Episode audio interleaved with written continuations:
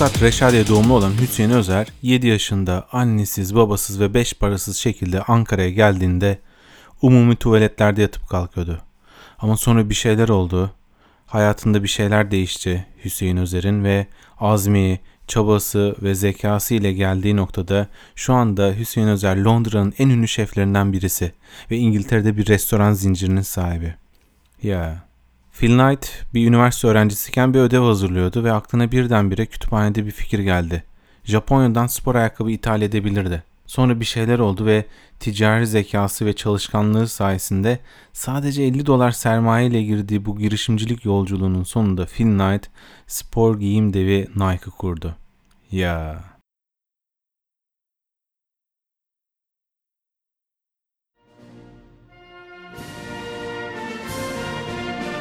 Ortalama bir Sovyet maden işçisi günde sadece 7 ton maden çıkartabiliyordu. Alexander Stakhanov ise günde sıkı durun 7 değil, 17 değil, 27 değil tam 227 ton maden çıkartıyordu. Üstün başarıları sayesinde Stakhanov yoldaş Lenin nişanı, Kızıl Bayrak İşçi nişanı, sonra bir kez daha Lenin nişanı ve son olarak da Sosyalist Emek Kahramanı madalyası kazandı. Stakhanov yoldaşın madenciliğe başladığı Kadivka kentinin adı daha sonra Stakhanov oldu. Stakhanov bu arada Time dergisine kapak olan ilk Sovyetlerden biriydi. Nasıl iyi geldi mi? Biraz daha devam edebilirim isterseniz.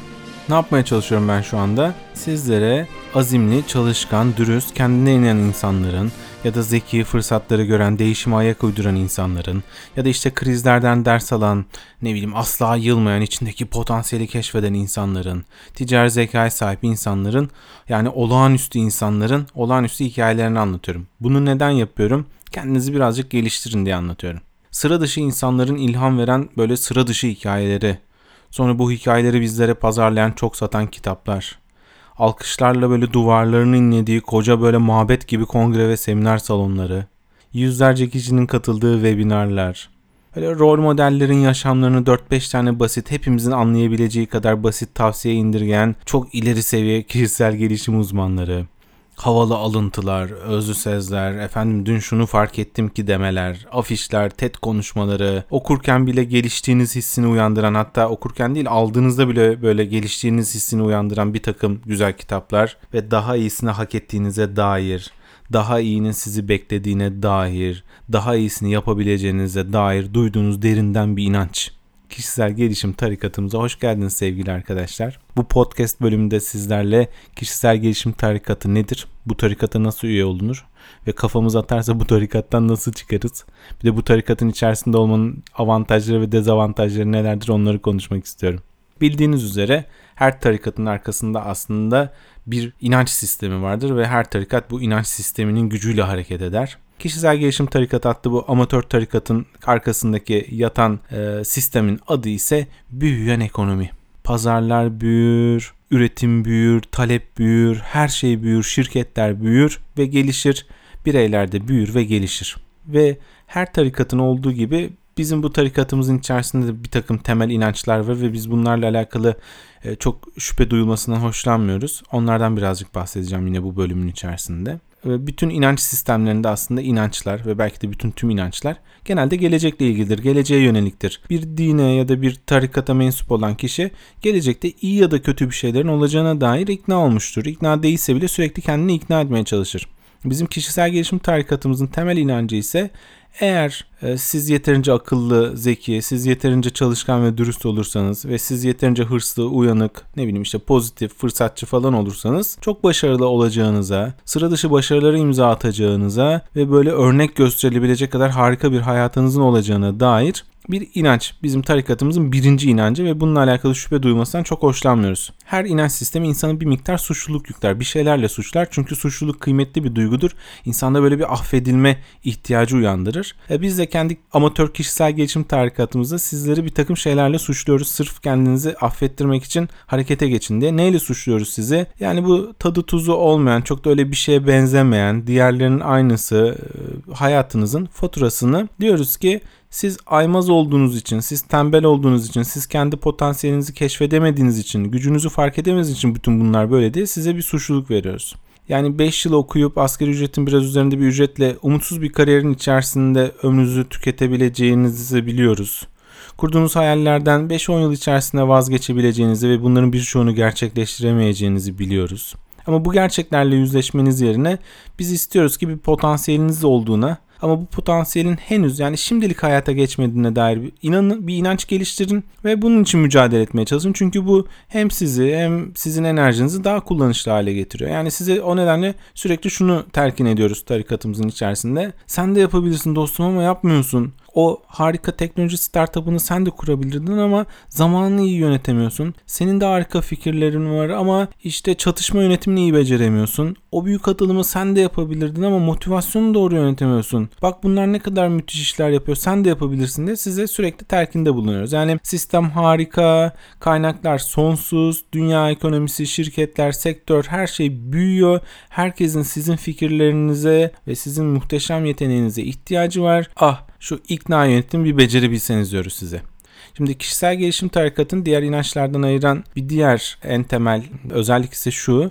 E, biz kendi tarikatımızın mensuplarının kulaklarına sürekli şunu fısıldıyoruz. Siz farklısınız. Sizin hiçbir eşiniz yok. Kimselere benzemiyorsunuz. Olağanüstü bir yeteneğe ve potansiyele sahipsiniz. İnanamıyoruz size falan diyoruz. Sürekli kulağınıza bunu fısıldıyoruz. Bu bizi diğer inanç sistemlerinden ayırıyor açıkçası. Zaman zaman tabii bu telkinlerimizi sorgulayanlar oluyor aranızda. Diyorlar ki herkes olağanüstüyse olanlar nerede peki? Hepimiz sıra dışıysak bu sıradanlar nerede takılıyorlar acaba diye soruyorlar bazen. Onları hemen kendi güçlerine güvenmemekle, özgüven problemi yaşamakla suçluyor ve onlara işte özgüvenini nasıl yükseltirim diye birkaç kitap vererek etkisiz hale getirmeyi tercih ediyoruz genelde. Tabii kişisel gelişimin içerisinde geleceğe inanmak çok önemli bir mevzu. Geleceğe inanç bizim için çok kritik. Ama burada küçük bir zaman bükülmesi deneyimi oluyor.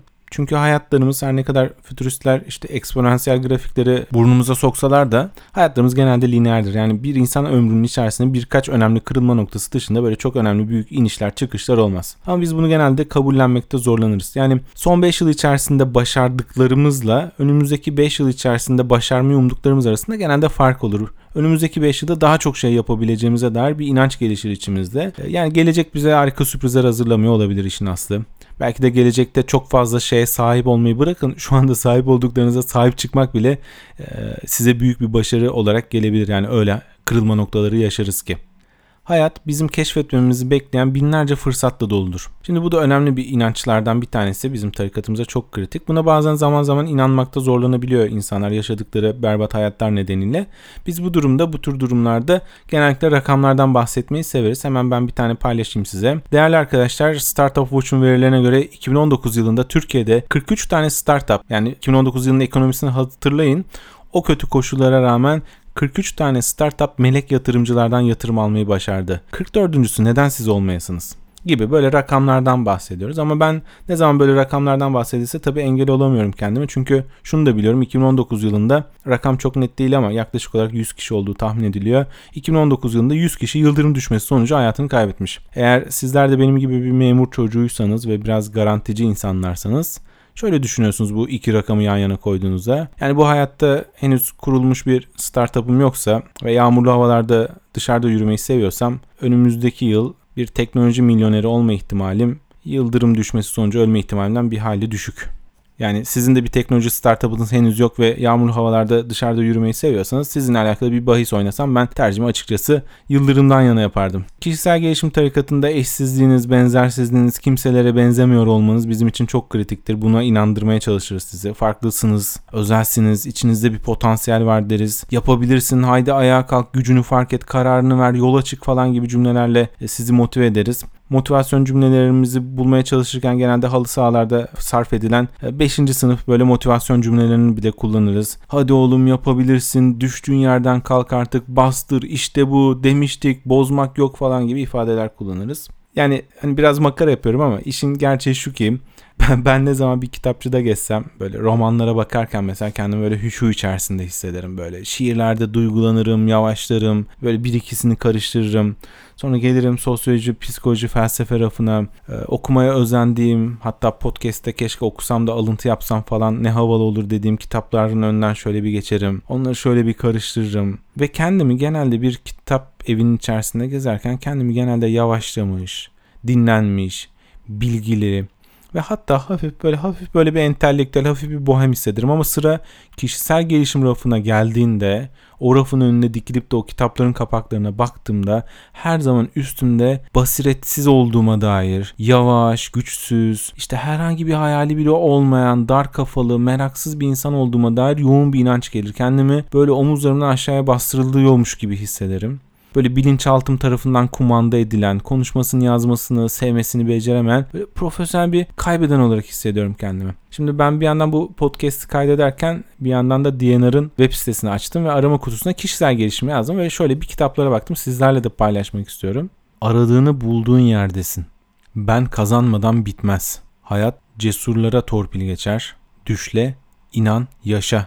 Japonların uzun ve mutlu yaşam sırrı. Kendine iyi davran, hayatı yeniden keşfedin, düşünce gücüyle tedavi ve hatta sayfa aşağıya doğru kaydırdığımda e, ne alaka dediğim İlber Ortaylı'nın Bir Ömür Nasıl Yaşanır kitabı. Şimdi yanlış anlaşılmasını istemem tabii. Böyle naif bir şekilde kafaya alıyoruz bazı şeyleri ama gelişmeye, öğrenmeye, değişmeye, daha iyisi olmaya falan asla karşı değilim ya da bu çabaları küçümsüyor da değilim insanların da kurumların da toplumların da sürekli gelişmesi gerektiğine inanıyorum. Yani az önce o söylediğim kitapların bir kısmının birçok arkadaşımda işe yaradığını, onları yolculuklarında bir adım öteye taşıdığını da biliyorum ve hepsine saygı duyuyorum. Ben buna varım. Benim bununla alakalı derdim yok. Kaldı ki bu ve benzeri kitapların birçoğundan ben de defalarca faydalandım ve faydalanmaya devam ediyorum. Bu hafif kafa bulma halimizin nedenini birazcık anlatmak isterim. Benim temel derdim aslında sadece gelişimi, değişmeyi işaret ederken bunu böyle gerçeklerden kopuk bir pozitiflikle, hüsranla sonuçlanması muhtemel bir iyimserlikle ve hiçbir veriye dayanmayan, hiçbir gerçeklikle uyumlu olmayan bir umutla ve abartılmış gerçek dışı destekleyici ifadelerle yapmayı doğru bulmuyorum. Çünkü ben kişisel gelişimi umuttan, iyimserlikten, özgüvenden falan değil tam tersine şüpheden, memnuniyetsizlikten, korkudan beslendiğini düşünüyorum. Çünkü iyimserlik ve özgüven gelişimin bütün yollarını kapayan bir tutum. Şüphe, memnuniyetsizlik ve korku ise aslında değişimi tetikleyen bir yol, yeni bir yol diye düşünüyorum. David Gleischer değişimi yönetmekle ilgili çok basit bir matematiksel formül kullanıyor. Aslında temelde organizasyonların değişiminden bahsediyor ama bence kolaylıkla bireye de indirgeyebiliriz. 3 tane değerin birbiriyle çarpımı değişime dirençten büyükse o değişim gümbür gümbür olur diyor. Nedir bu 3 değer? Birincisi mevcut durumdan duyduğunuz memnuniyetsizlik. İkinci değer tanımlanmış bir gelecek durum yani vizyon bildiğimiz adıyla. Diğeri ise üçüncü değer ise geleceğe ulaşmak için atılacak adımlar yani eylem adımları. Memnuniyetsizlik çarpı vizyon çarpı eylem adımları eğer değişime dirençten büyükse o değişim olur diyor. Şimdi bunu bireye indirgeyelim. Siz gelişmek istiyorsunuz. Birinci durum mevcut halinizden memnuniyetsiz olmanız lazım. Yani bir şeyleri iyi yapamadığınızı kabul etmeniz lazım. Bir konuda kötü olduğunuzu hatta berbat olduğunuzu söyleyebilmeniz lazım. Ama bunu söylemenizi engelleyen bir şey var içeride. Ne o? Ego adını verdiğimiz cayır cayır yanan bir soba var ve o soba yüreğinizde habire sen iyisin, sen haklısın, diğerleri kötü, yine sen en doğrusunu yaptın diye tütüp duruyor içinizde. Ve bu içinizde bu tüterken ben bu konuda berbatım ve hemen değişmem lazım diyebilmek ne kadar da zor. Burada tabi zaman zaman tuhaf stratejiler de geliştirebiliyoruz. Bazen kendimize bir gelişim alanı tanımlıyoruz ama gelişim alanında yine kendimizi övüp diğerlerini yerin dibine sokuyoruz farkında bile olmadan. Diyor ki birisi mesela ben kendimi geliştirmek istiyorum. Hangi konuda? Ben bu riyakar insanları anlamıyorum ve onları anlayabilmek istiyorum. Yalan. Orada ego tutmuş bayağı bir gelişim alanı gibi olmayan gelişim alanı belirlemeye çalışmış kendini. İkinci madde bir vizyon. Gelecekte ne olmak istediğimiz, nereye varmak istediğimiz ve neyi deneyimlemek istediğimizle ilgili net bir hayal neyimizi ne kadar geliştirmek istiyoruz, neyi ne kadar dönüştürmek istiyoruz, oraya ulaşmak bizim için ne kadar kıymetli ve o noktaya ulaştığımızda gerçekten hayatımıza ne değişecek sorusunun cevabı. Ve üçüncü nokta bu doğrultuda atılması gereken adımlar nedir? Tanımlı bir yol çizilebilir mi? Diğerlerinin yolu sana uyar mı? Herkes kendi patikasından gidiyor. Senin patikan hangisi peki? Diğerlerinin tavsiyeleri senin işine yarayacak mı? Hepimizin ayrı ayrı hayatları var en nihayetinde. Şimdi bu üç konunun üçü bu kadar zorken kişisel gelişim ya da gelişmek dediğim şey bu kadar karmaşıkken yürü ve aslanım hadi oğlum yapabilirsin işte bu diye bağırmanın ötesinde bir şeymiş gibi geliyor bana kişisel gelişim. Kaldı ki ben bir insanın kendi motivasyonuyla kendini değiştirmesinin, kendini geliştirmesinin 10 bin kişilik bir şirketi değiştirmekten daha zor olduğunu düşünüyorum. Bu noktada ben sizinle bir deneyi paylaşmak istiyorum. Araştırmacılar şöyle bir deney yapmışlar. Boş bir odaya giriyorsunuz. Sizi bir araştırmacı karşılıyor. Odada bir tane masa var ve üzerinde bazı düğmeler, bazı teçhizatlar var. Tavanda da bir tane kendi başına duran bir lamba var. Ve size eşlik eden araştırmacı diyor ki bu tepede gördüğünüz lamba karmaşık bir algoritma ile çalışıyor. Bu algoritmayı çözmenizi istiyoruz. Size belirli bir süre verdik deyip odadan çıkıyor. Siz önce masadaki böyle o düğmeleri, ayar düğmelerini falan kurcalıyorsunuz. Lambada tık yok. Sonra yerinizden kalkıyorsunuz, el çırpıyorsunuz, bir şeyler yapıyorsunuz yine tık yok. Sonra tam otururken sandalyenize tekrar tam böyle masaya tutulmuşken lamba birden tık diye yanıyor. Sonra aynı hareketi bir daha yapıyorsunuz. Bu sefer lambada tık yok. Sonra başka hareketler deniyorsunuz. Başka bir şeyler buluyorsunuz. Sonra fark ediyorsunuz ki işte birkaç düğmeye dokunup yerinize hızlıca oturup kırmızı butona hafif burnunuzu değdirirseniz lamba yanıyor. Genelde yanıyor yani her zaman yanmıyor ama genelde yanıyor. Ve düşünüyorsunuz ki ben algoritmayı buldum lambanın algoritmasını. Şimdi araştırmacılar bu deneyi birçok denekle yapıyorlar ve çalışma bittiğinde deneklere soruyorlar algoritmayı çözdünüz mü?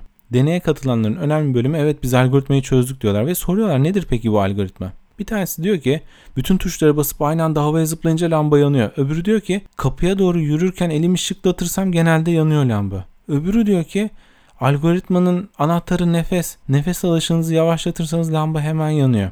Bu çalışmada ilginç olan şey ne? Lambanın aslında hiçbir algoritması yok. Lamba rastlantısal olarak yanıyor ve sönüyor. İnsanoğlunun kendini bir şey sanmasıyla alakalı çok ilginç bir deney bence. İnsanoğlu olgular ile sonuçlar arasında, eylemler ile elde ettikleri arasında çok hızlı bağlantılar geliştiriyor. Yani şansın yardımıyla ya da başkalarının desteğiyle elde ettiğimiz başarılar da dahil olmak üzere sahip olduğumuz, yapabildiğimiz her şeyi kendi bilgi ve becerilerimize, hatta kendi kusursuz yaratılışımıza bağlamayı çok seviyoruz ama hatalarımızla ilgili ise sebepleri hep dışarılarda arıyoruz. Yolumuza taş koyanlar, kuyumuzu kazanlar, arkamızdan iş çevirenler, makus talihimiz, karar vericilerin yanlış kararları, berbat yöneticiler, işte şov yapamamamız, yalaka olmamamız, diğerlerinin şansının yaver gitmesi vesaire. Kişisel gelişim adı altındaki fütursuz iyimserlik ve bireyi yüceltme durumu bizim bu zihinsel defomuzu çok iyi destekliyor. Başkalarının başarılarından biliyoruz ki başarılar bazen rastlantısaldır. Ama kendi başarısızlıklarımızdan da biliyoruz ki başarısızlıklar da bazen rastlantısaldır. Kişisel gelişimin merkezine inancın, emin olmanın, iddianın, başarının, kazanmanın yerleştirilmesi bence gelişim kavramı ile bir tezat oluşturuyor İddianın, heyecanın, motivasyonun pompalanması neticesinde gelişen kimseye ben şimdiye kadar şahit olmadım. Hatta pek çok konuda kendi gücüne inananların en az genişenler olduğunu da söyleyebilirim. Liderlik ile ilgili şimdiye kadar herhalde binlerce kitap yazılmıştır. Onlarca farklı model geliştirilmiştir. Dönüşümsel liderlik, vizyoner liderlik, VUCA liderliği, hizmetkar liderlik, otantik liderlik, ruhani liderlik. Yani açıkçası okuduklarım, gördüklerim, araştırdıklarım, dinlediklerim, öğrendiklerimden elimde kala kala liderlikle alakalı 3 tane altın anahtar kaldı. Şimdi ben bu 3 tane altın anahtarın bir tanesini burada paylaşacağım. Kalan 2 tanesini de liderlikle ilgili bölümde paylaşacağım. Ben liderliğin birinci anahtarının şüphe olduğunu düşünüyorum. Siz değerli dinleyenler açısından sıkıcı olabilir ama ben kelimelerin kökenini araştırmadan edemiyorum. Şüphe benzer olanlar arasında kararsız kalma anlamındaki şıbıh kökünden geliyor. İyi lider ile kendi liderliğiniz arasında bir fark olduğuna dair bir şüphe duymuyorsanız dünyanın eğitimini alın bence boş. Siz mesela yaşlıların hiç kendileriyle alakalı şüpheye düştüğünü gördünüz mü? Ya da böyle çok çok çok büyük liderlerin hiç kendileriyle ilgili şüpheye düştüğünü gördünüz mü? Hiç kimsenin şüphesi olmasın. Bu konuda kimsenin şüphesi olmasın. Kimsenin şüphesi olmasın. Tamam, tamam peki. peki. Her güçlü inancın arkasında hayatın bütüne dair güçlü bir kabul var. Kişisel gelişim tarikatının arkasındaki temel kabul ise büyüyen bir ekonomi modeli. Kafasında VR gözlükte gezenler hariç fütüristlerin de, elleri alkıştan nasır tutanlar hariç makroekonomistlerin de ve aklı selim iktisatçıların da fikir olduğu bir şey var. Artık dünya ekonomisinde kazanın dibi gözüküyor. Dünya ekonomisinin büyümesinin uzunca bir süre duracağı ya da yavaşlayacağı öngörülüyor. Yavaşlayan bir ekonomiye sahip bir dünyada mutlu ve erdemli bir hayatın, her koşulda yaşamdan tad almanın, tekamülün, ilerlemenin, güzel bir hayat yaşamının yolu her şeyden daha fazla istiyorum demekten değil, istediğim şeyden yeteri kadar istiyorum demekten geçiyor. Rol modelleri, uygulama örneklerini ve basma kalıp sözüm onu motivasyon cümlelerini aşıp tevazudan, kendini bilmekten ve yalınlaşmaktan geçen kendi kişisel patikamızı bulmamız gerekiyor günde 227 ton maden çıkardığı söylenen ve adı şehirlere verilen Stakhanov'un Stalin iktidarından sonra şehir şehir sürüldüğünü, kendisinin aslında berbat bir Sovyet propaganda malzemesi olduğunun anlaşıldığını ve bu hayata işsiz güçsüz bir alkolik olarak veda ettiğini ve hadi itiraf edelim artık konu sıkıntısı çeken podcast yayıncıları dışında kendisini pek kimsenin hatırlamadığını söyleyelim. Kendinize iyi bakın.